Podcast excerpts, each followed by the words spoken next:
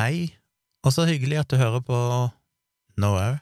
I kveld, holdt jeg på å si, men eh, jeg spiller inn på kvelden. Det betyr ikke at du hører på på kvelden, men nå er det altså kvelden eh, rett før midnatt mandag 15. februar i det herrens år 2021. Og jeg har akkurat sett uh, denne her uh, Hva heter det? Siste sjansen i MGP, tro det eller ei. Måtte jo få med meg hvem som uh, gikk videre til finalen. Meg og Tone har jo sett alle delfinalene, og på fire av fem delfinaler så har vi jo kjørt livestream etterpå for å diskutere bidragene. Og jeg er jo ganske håpløs der, fordi jeg har jo et litt uh, Det føles som et rart forhold til musikk, på et vis. Uh, jeg har jo jobba med musikk store deler av livet mitt, uh, holdt på å si det er kanskje feil å kalle det profesjonelt, men jeg har jobba som lærer i musikkskole. Eh, underviste i både slagverk og gitar og tangenter og samspill og lydteknikk og scene og lys. Litt forskjellig. Sa jeg gitar òg? Gjorde kanskje ikke det, men gitar òg. Bassgitar og gitar. Så de fleste instrumentene. Og Så det gjorde jeg en, et par-tre år, husker jeg helt. Jeg har jo leda kor i mange år og spilt i band i alle, til alle tider, så jeg har liksom et forhold til musikk på et mer sånn fra musiker sitt synspunkt.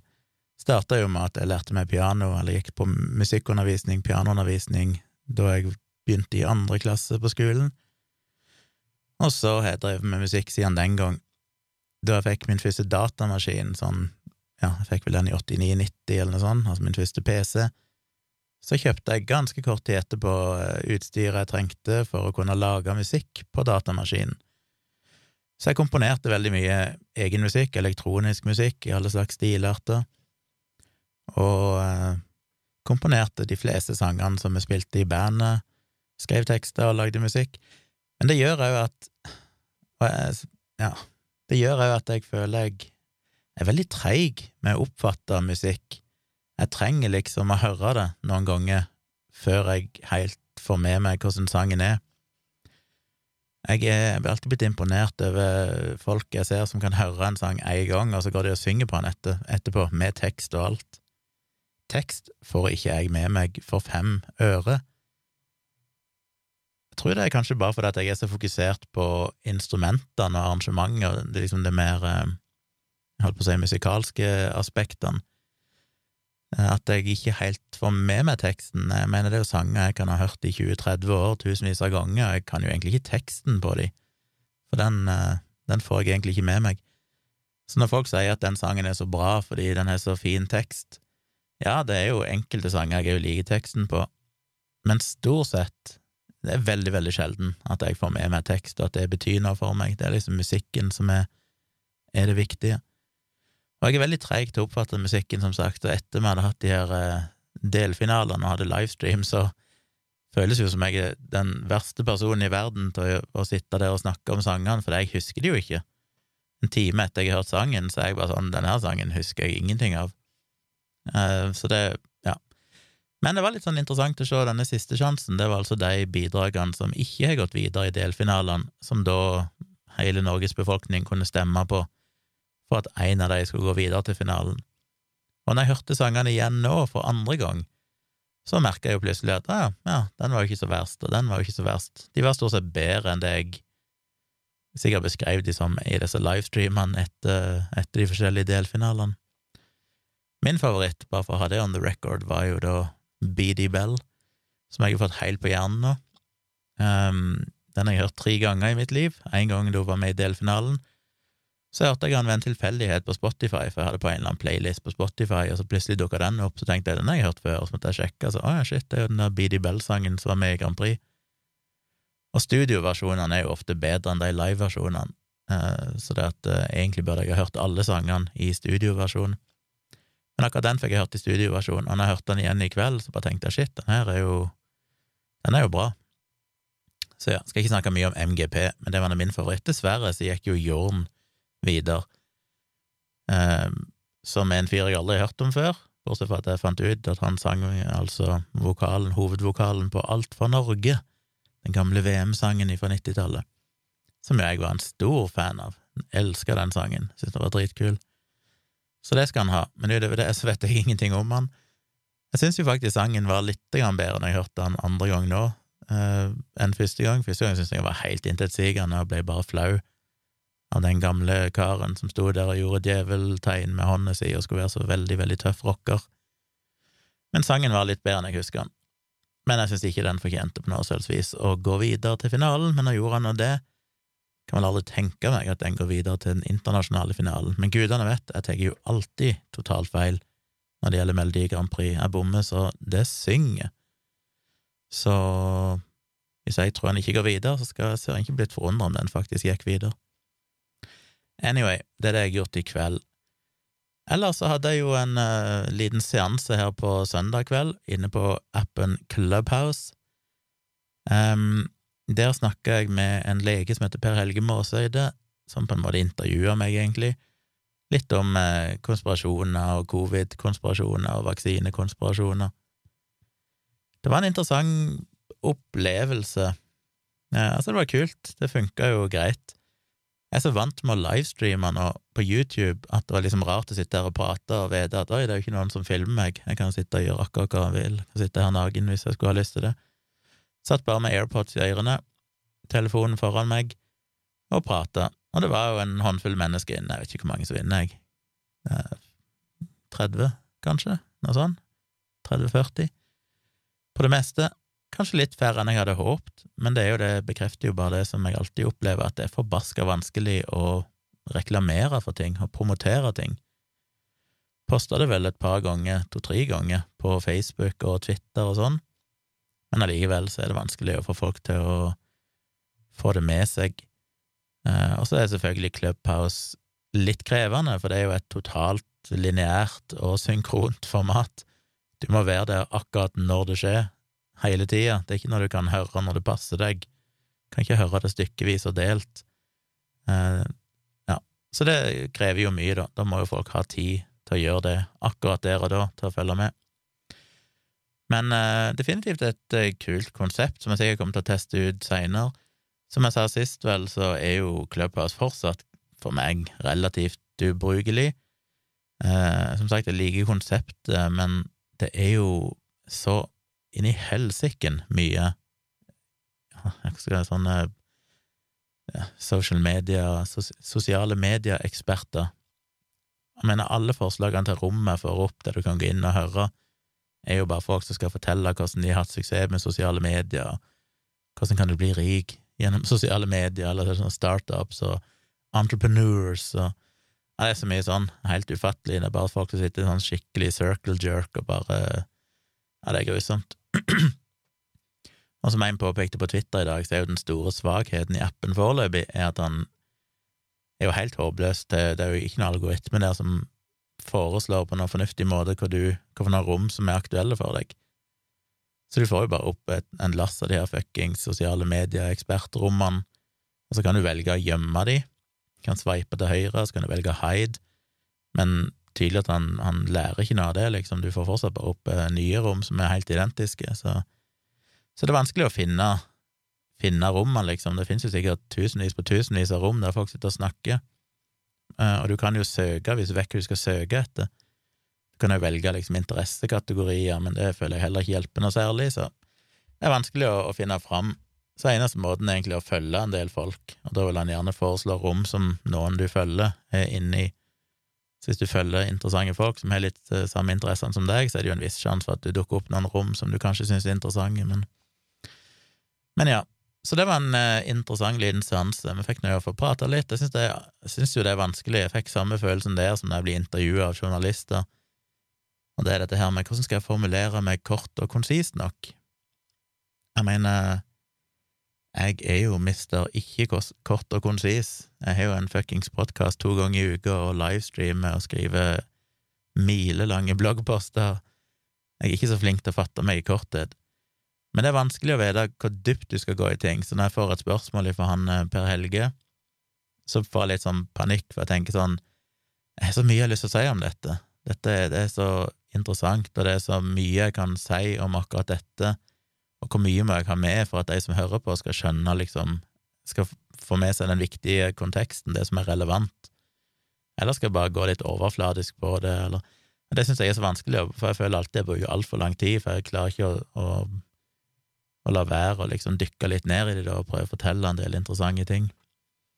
Så krevende. Men jeg håper jo at folk syns det var ok, kanskje de fikk med seg noe fornuftig. Og så hadde jeg ikke helt, Det var litt vanskelig å følge med på hvem som var inne i rommet mens jeg satt og pratet. Så jeg så jo det var en del kjente ansikter, og jeg fikk litt sånn panikk for at shit, liksom, er det bare de samme folkene som uansett sikkert hører meg på podkast eller hører meg på livestreams, eller eh, som sikkert er drittlei av å høre meg fortelle de tingene om vaksiner som jeg har sagt tusen ganger før.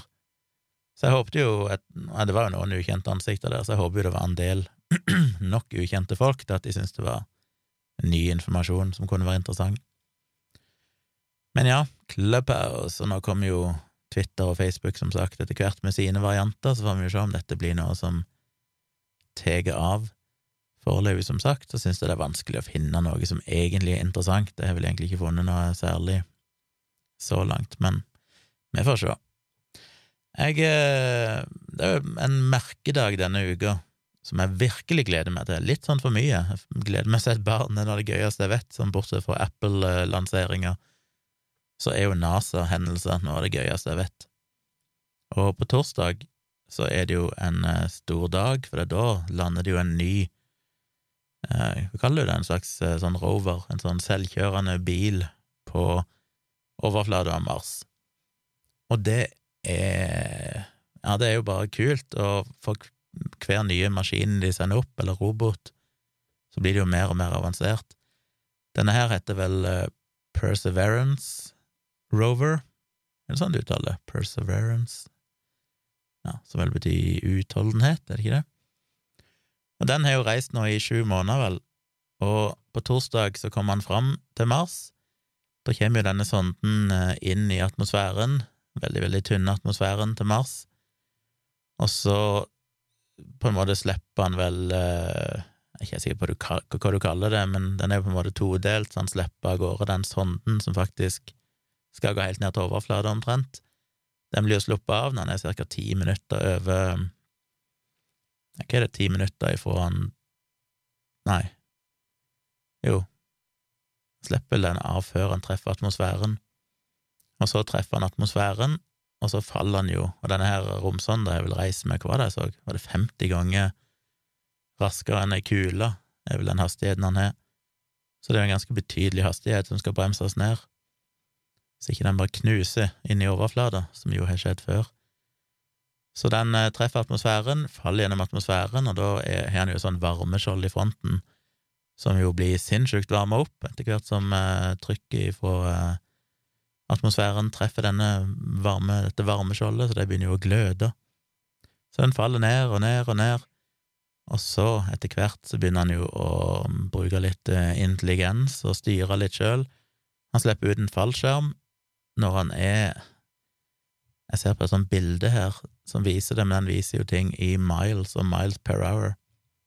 Så på et tidspunkt der han fortsatt er 940 miles per hour, som vel er en rundt 1500-1600 km i timen, og er sånn cirka 10 km over overflata, så slipper han en eh, fallskjerm. Og så daler han nedover, eller daler kanskje til hardt i, han går i en temmelig grei hastighet ennå.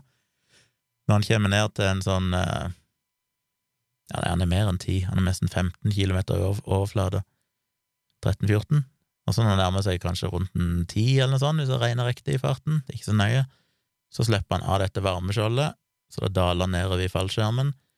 Man kommer enda litt lenger ned, og farten er nede i en cirka ja, 400-500 km i timen. Så begynner han å guide seg med radar, og han skal jo lande i et krater som heter Jezero-krateret. Og grunnen til det er jo at det fremste målet med denne, denne turen er jo å prøve å finne bevis for liv på Mars, altså, eller ikke nå lenger, egentlig, men uh, tidligere liv på Mars. For de lander i et jeg sier krater, det er jo ikke egentlig et krater, det er jo et uh, tidligere mm, hav, eller innsjø. Så kaller du det, en tidligere innbunnen av en innsjø. For det er jo vært vann på Mars tidligere, Så det er en, en plass som er veldig interessant, for det er en plass der det er stort potensial for å kunne finne liv, eller rester etter tidligere liv, hvis det har eksistert liv der noen gang. Og du kan se på en måte ei elv som har rundet inn i denne her eh, innsjøen, som jo da er tørka ut. Men de skal lande oppi den, og de vil vel sannsynligvis klare å lande mer presist enn noen gang tidligere, så vidt jeg har skjønt. Og når han kommer enda litt lenger ned, så begynner han jo å på en måte kartlegge terrenget under seg og bruke datamaskiner som gjenkjenner hvor han er hen og sånn, og prøver å styre i retning av der han skal havne hen. Og når han er et par kilometer, ja, mer enn det, når han er kanskje tre kilometer over overflata, og reiser med sånn 300-400 kilometer i timen fortsatt, så, og det er dette som er så kult, for det er så mange nivåer, for at nå henger han jo i en fallskjerm, men så, på det tidspunktet, så slipper han ut sjølve denne bilen, eh, men den er fortsatt en, eh, holdt på å si, rakett, en sånn hette med rakettmotorer over seg, så den faller ned mot overflata, og så fyrer han opp eh, jetmotorer som på en måte skal bremse, som blåser på en måte mot, eh, eller går i motsatt retning, og til og med det er jo for rask hastighet, men han bremser jo gradvis, og til slutt så er han jo nede i en temmelig liten hastighet, og når han er ja, hva er det, en hundre og Nei, nå sa jeg feil, det blir vel en eh, ja, 25-30 meter, ja, 25 meter over overflata, så senker han ned selve bilen i noen vaiere. Så det er liksom så mange trinn her, med en del og etter del etter del som faller av. Og grunnen til at han ikke lander helt ned, er fordi at disse jetmotorene vil jo da blåse opp veldig mye støv og rusk og rask. Så det er på en måte fi, der firer han jo bare ned de siste 25 meterne eller 20 meterne eller noe sånt, denne roboten, og så kutter han vaieren, eller slipper vaieren, og så flyger han opp igjen av gårde og prøver å flyge så langt vekk han kan, og bare krasjer da til slutt når det ikke er mer eh, drivstoff til disse motorene. Så står roboten der igjen på overflata, forhåpentligvis, og alt dette skjer vel i løpet av sju minutter, så vidt jeg har skjønt. Så det er de, på en måte de kritiske sju minuttene. Men det som er så kult med denne her, denne her Perseverance-roboten, er jo at han har en del nye ting. Han har jo blant annet 19 kamera som kan filme i HD-kvalitet. Så vi kommer jo til å få en helt ny opplevelse av Mars, ved at du får ekstremt mye bilder, og ja, er det video òg, tror jeg? Jeg er litt usikker på om de kommer til å, å sende video òg. Men disse kameraene kan zoome inn og ut og ta bilder i alle retninger og sånn, så det blir jo, blir jo veldig kult. Og så er han en del verktøy De tenker jo langt framover her, det er det som er litt spennende òg. De har jo en sånn eh, eh, ja, boregreie som kan bore ned i stein og plukke opp eh, Hva heter det? Samples, altså eh, prøver av eh, stein og materialer der oppe, og så er det en slags robotarm som da kan plassere dem i beholdere på undersida av denne roboten. Og så spør han seg kanskje hva er poenget med det? Hva er poenget med å lagre disse, disse prøvene fra overflata? Jo, det er rett og slett fordi at eh, på et eller annet tidspunkt i framtida så regner en med, så har en planer om, eh, det er vel ikke noe fastsatt noe tid eller dato ennå, så vidt jeg vet, men så er jo planen etter hvert å sende opp en romsonde som faktisk skal returnere til jorda. Så planen er at denne her roboten da plukker opp en del prøver rundt forbi og samler det, masse beholdere til å samle dem, og så på et eller annet tidspunkt i framtida så vil det faktisk bli sendt opp en rakett, forhåpentligvis, som vil da lande, kunne plukke opp disse her prøvene på et eller annet vis, og så returnere til jorda. Og det å kunne analysere de her prøvene på jordoverflata er jo en helt annen deal, for da kan du bruke mye større og kraftigere, mer avanserte instrumenter for å analysere alt dette her. Så det blir jo spennende. Så han har masse kamera, han kan eh, ta driller ned i overflata ta disse prøvene. Han er jo en maskin som skal konvertere eh, de gassene som er i atmosfæren, til oksygen for å se hvordan det funker. Fordi dette er sånne ting en har lyst til å finne ut av med tanke på at det en dag kommer til å bli mennesker som blir sendt opp til Mars, og se om teknologien fungerer til å kunne produsere oksygen på overflata. Så det skal han gjøre. Hva mer er det han skal gjøre? Han skal, ja, skal gjøre masse analyser rundt forbi, og så er han jo mye mer intelligent enn de tidligere roverne som har kjørt opp der. Denne her, De tidligere roverne har jo i veldig stor grad blitt styrt ifra jordet, mens denne i mye større grad kan styre seg sjøl, så den kan analysere, den vet hvor han er hen, den kan finne sin egen vei i veldig stor grad.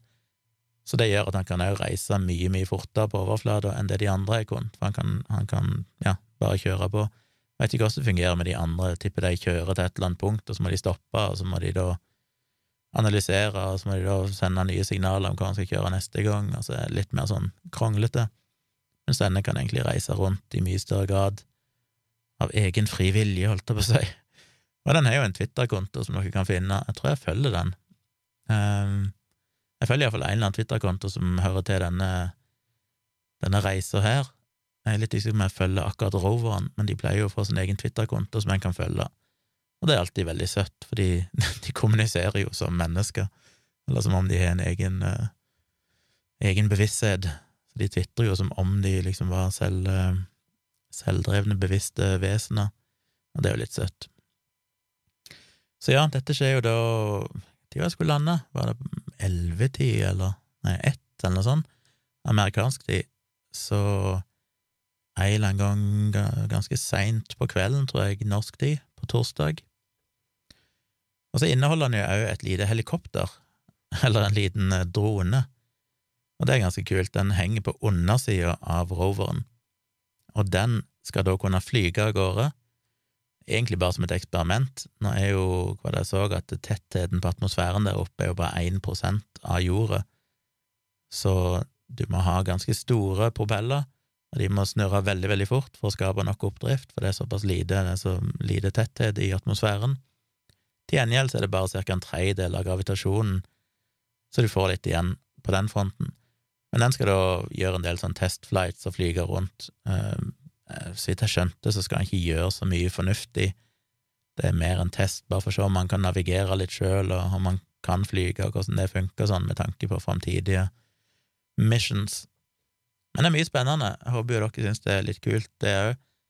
Jeg må finne ut om Eirik Newt skal livestreame. Han er jo livestreamer en del av de rakettoppskytingene og sånn på YouTube, der han sitter og kommenterer det, gjerne sammen med en, annen, en eller annen person som har litt peiling. Ellers så har jo NASA livestream, og du kan følge med. Så det, det skal jeg se. Torsdag kveld, altså. Anbefaler dere det.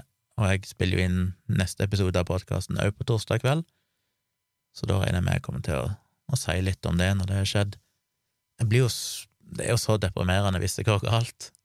Jeg mener, det er jo bare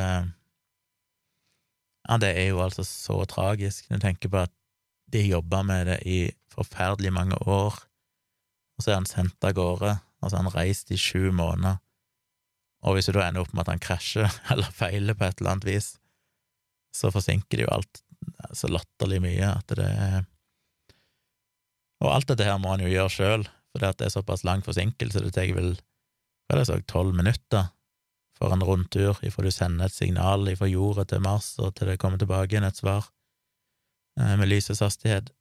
Så eh, det er ikke noe mulig å styre dette her ifra jorda. Du må bare stole på at det som er programmert inn, den innebygde intelligensen og alt klarer å håndtere dette.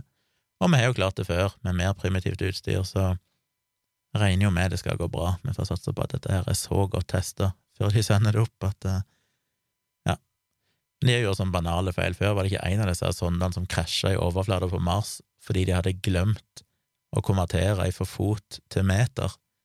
For det var vel et samarbeid mellom ESA og NASA, eller noe sånt, altså europeisk og amerikansk, og noen opererte med fot og andre med meter, og så var det en eller annen formel der inni der de hadde glemt å gjort og konvertert det, og så bare smasha den inn i overflata på Mars. Så det er jo ganske tragisk når det er sånne milliardprosjekter med så mange tusen mennesker som jobber med det, og så høy teknologi og så smarte folk, og så er det liksom én sånn liten tragisk bommert, og så bare ja, smash, så du kaster bort noen milliarder. Men ja, det gleder jeg meg til. Ellers så ser jeg jo NRK har vært på banen i dag, eller var det i dag, eller var det i går, med en eh, studie om vitamin D. Som, eh, som vanlig så føler jeg jo de hypa det litt vel mye. De hadde en artikkel som kom uh, i går, ja. Ny koronastudie. D-vitamin gir lavere sannsynlighet for alvorlig sykdom. Og så er de intervjua blant annet en infeksjonslege, forsker og infeksjonslege Arne Sørås ved Oslo universitetssykehus. Um, nei, var det han? Nå blander jeg kanskje. Det var Vidar Sorry, nå må jeg finne rette navn her. Ikke at det er så nøye, men jeg lurer på om det er Det står bare i tittelen her, eller i ingressen, infeksjonslege sier han vil bli overrasket om ikke en ny spansk studie gjør D-vitaminbehandling standard for norske koronapasienter.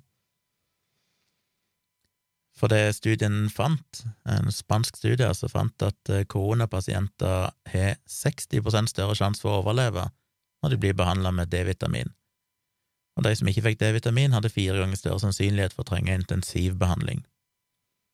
Men studien er jo ikke fagfellevurdert.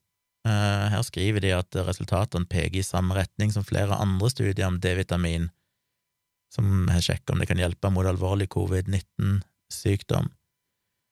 Og her sier de da at det vil være overraskende om ikke dette blir standardbehandling, men det er jo ganske tragisk å si, fordi så vidt jeg har skjønt, så er jo ikke denne legen egentlig lest studien ennå, så vidt jeg vet. Ikke at det er det viktigste, men han er jo ikke fagfellevurdert eller noen ting, så det er en veldig rar uttalelse å komme med, så bastant at uh, dette må liksom bli standardbehandling. Og så ser jeg jo denne har blitt ganske plukka ifra hverandre, denne studien. Det var blant annet en Twitter-tråd som jeg retweeta, der en fyr har gått gjennom og pekt på alle feilene og sendt han opp med å skrive en uh, artikkel som jeg skal ta lenker til i i shownotes. Jeg har allerede delt den på Facebook og Twitter, men jeg kan lenke til den i shownotes på denne, denne podkasten, og på en måte vise hvor mye problemer det er med den studien, at den er neppe særlig pålitelig. Og det ville jo vært revolusjonerende, men denne her studien ble jo egentlig gjennomført, vidt jeg vet, tilbake i august i fjor, og hvis det hadde, hvis jeg liksom virkelig hadde vært gode data på at det reduserte dødelighet med 60 så ville det jo være sjokkerende om en skulle vente i åtte måneder med å faktisk eh, gjøre noe mer med det. Da hadde det vært snakk om at de faktisk hadde spart ganske mange hundre tusener, kanskje millioner, av liv ved å bruke den kunnskapen. Men eh, Så det er neppe så mye i det. Men det er jo allikevel interessant om vitamin D kan ha en effekt på covid-19, og det har det jo vært veldig mye diskusjoner om. Problemet er at uh, studiene spriker veldig, så foreløpig så har vi ikke noen gode data som tilsier det. Grunnen til at de spekulerer i vitamin D, er jo at det har vært mye snakk om vitamin D kan ha en beskyttende effekt eh, ved luftveisinfeksjoner generelt sett, og der er det vel ganske gode data, eller egentlig veldig gode data, på at det har en beskyttende effekt. Så det å Eh, å ha et eh, tilstrekkelig D-vitaminnivå ser ut til å redusere risikoen for luftveisinfeksjoner. Men, og det er jo noen men her, det ene er jo det at det blir jo ofte misoppfatta av folk til at derfor er det lurt å ta masse D-vitamin, og det finner ikke disse studiene. Det de finner, er primært at de som har ganske alvorlig mangel på D-vitamin, eh, er mer utsatt enn de som ikke har det. Så hvis du har folk med ganske alvorlig mangel på D-vitamin, og gir de daglige doser med D-vitamin, så reduserer du risikoen for at de eh, opplever noen alvorlige hendelser knytta til luftveisinfeksjoner. De som har litt høyere nivå, tilnærmet normalt, ser også ut til å ha en liten effekt av det, men det er bare snakk om egentlig det som er det anbefalte tilskuddet. Eh, jeg tar sjøl det.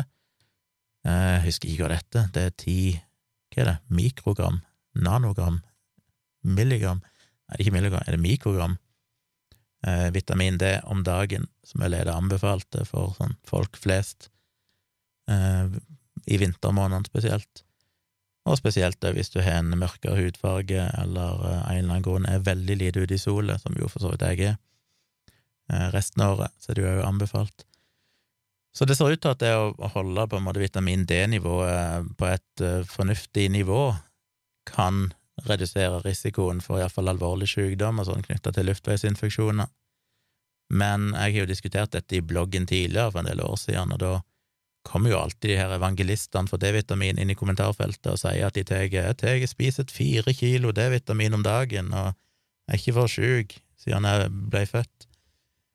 Det, det er jo det som er misoppfatta, for disse studiene viser jo faktisk det at sånne ultrastore doser sånn ser faktisk ut til å kanskje øke risikoen, fordi at du fucker opp immunforsvaret på forskjellige måter, du forstyrrer balansen, ja, ulike balanser i kroppen, sånn at du faktisk blir mer utsatt. Så, så det er ikke noe poeng å pøse på med mest mulig, og det er jo det som er så viktig med alle sånne tilskudd, at det er ikke sånn at fordi du trenger et eller annet, så er det bedre jo mer du får av det.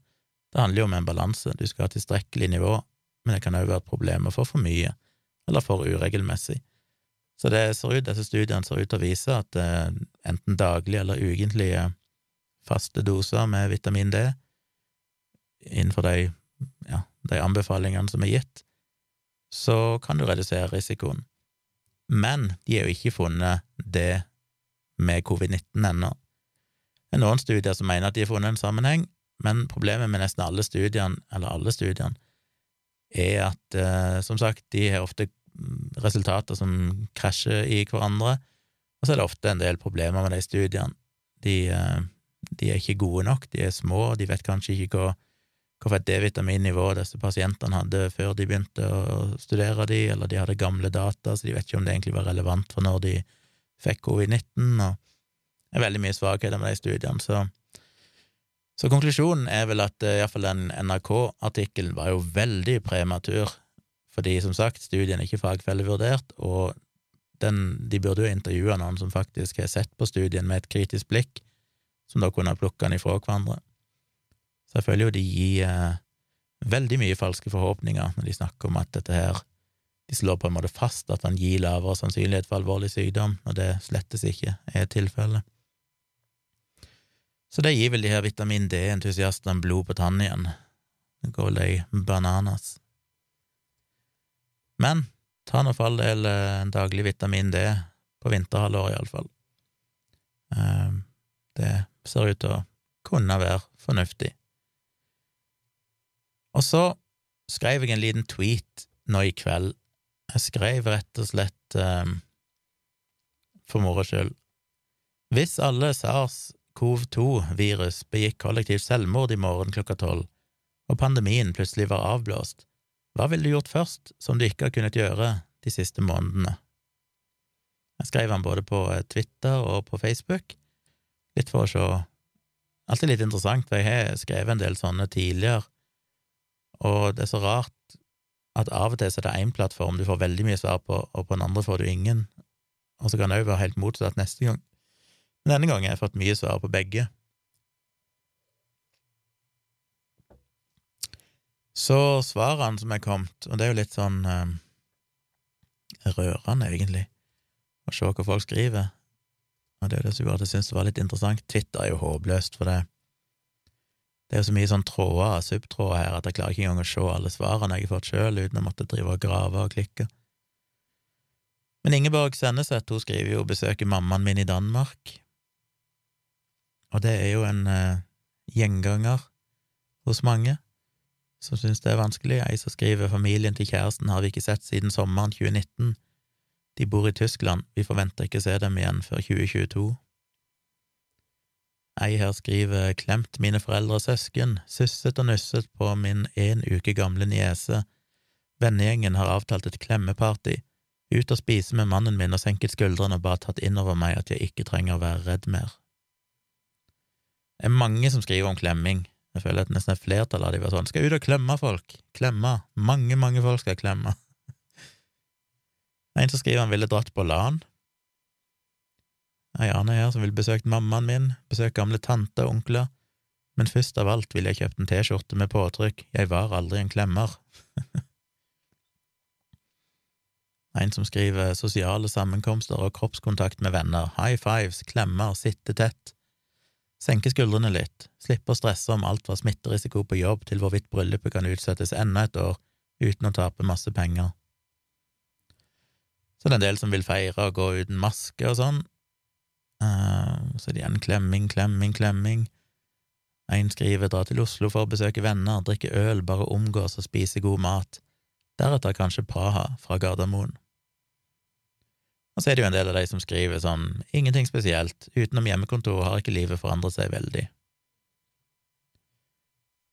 Og så er det de da som kommer med en veldig eh, dyp uh, dypt svar. Hun skriver sikkert grått av glede over alle som ikke skal dø likevel i verden, og av at foreldre, særlig far, ikke skal være konstant bekymret lenger. Dessuten koster på meg et lite smil over at noen av de rikeste selskapene i verden ikke skal tjene seg enda mer skamrike på global lidelse. Ja, det er jo et uh, perspektiv. Ja, så går det i klemming igjen. En som sier han ville ha spilt konsert, om det lot seg ordne på en dag. Det gjør det jo ikke, men så er det noen som gleder seg over å gå på jobb uten munnbind. En skriver gått en enda lengre skitur og gått inn på ei skistue. En ville ha blåst opp til flere laken på et veldig godt måltid. Så det er en som skriver, eller ei som skriver, jeg tror faktisk ikke at de hadde skjønt en dritt før 24 timer etter, minst. Ja. Mange som vil besøke mammaen sin forskjellige plasser i verden eller i landet. Mange vil klemme mammaen sin når folk vil gå på restaurant. Ja, det var Twitter sine svar. Skal vi se på Facebook. Det var mye klemming der òg. Noen som reiser til varmere strøk. Eh, selvfølgelig noen som mener at de hadde ikke merka noen forskjell, som jeg eh, tror går igjen hos en del av min omgangskrets, inklusiv meg sjøl i ganske stor grad, men det er jo ikke helt sant. Jeg skal si litt om det etterpå, skal vi bare se her. Det er mer klemming, klemming. Uh, herregud, så mye klemming, det. Tatt kollektiv, tatt kollektivt uten munnbind med god samvittighet. Det kan jo tolkes på mange måter, betyr det at du gjør det nå, men med dårlig samvittighet. Um, Ei som skulle tatt Mosseferja og spist i kafeen, tilbrakt timevis i kald bil på dekk fordi den har vært stengt. Ja, det høres ut som en oppgradering å kunne gå ut av bilen og faktisk sette seg i kafeen. En ville tatt en tur til Oslo for å få seg en svingom på byen. Og så ei som skriver hun ville ha besøkt meg. Det er jo koselig. Så det er en gammel eh, bekjent fra mitt hjemsted som skriver han ville hatt seg med en, heil, med en vilt fremmed mann. jeg var frekk nok til å skrive at eh, nå er jeg glad jeg kjenner deg.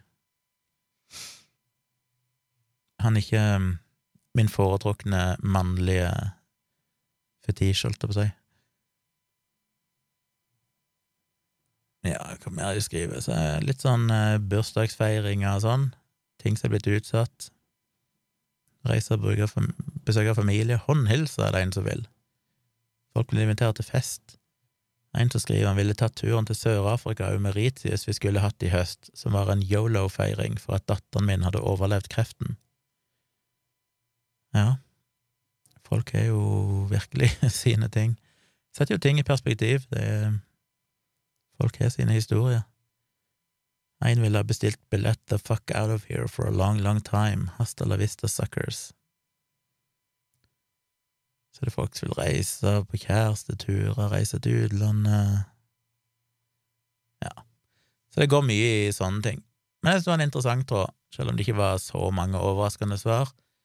For min egen del så merker jeg jo mer og mer at jeg har veldig lyst til å treffe familien min igjen primært mine foreldre og min datter.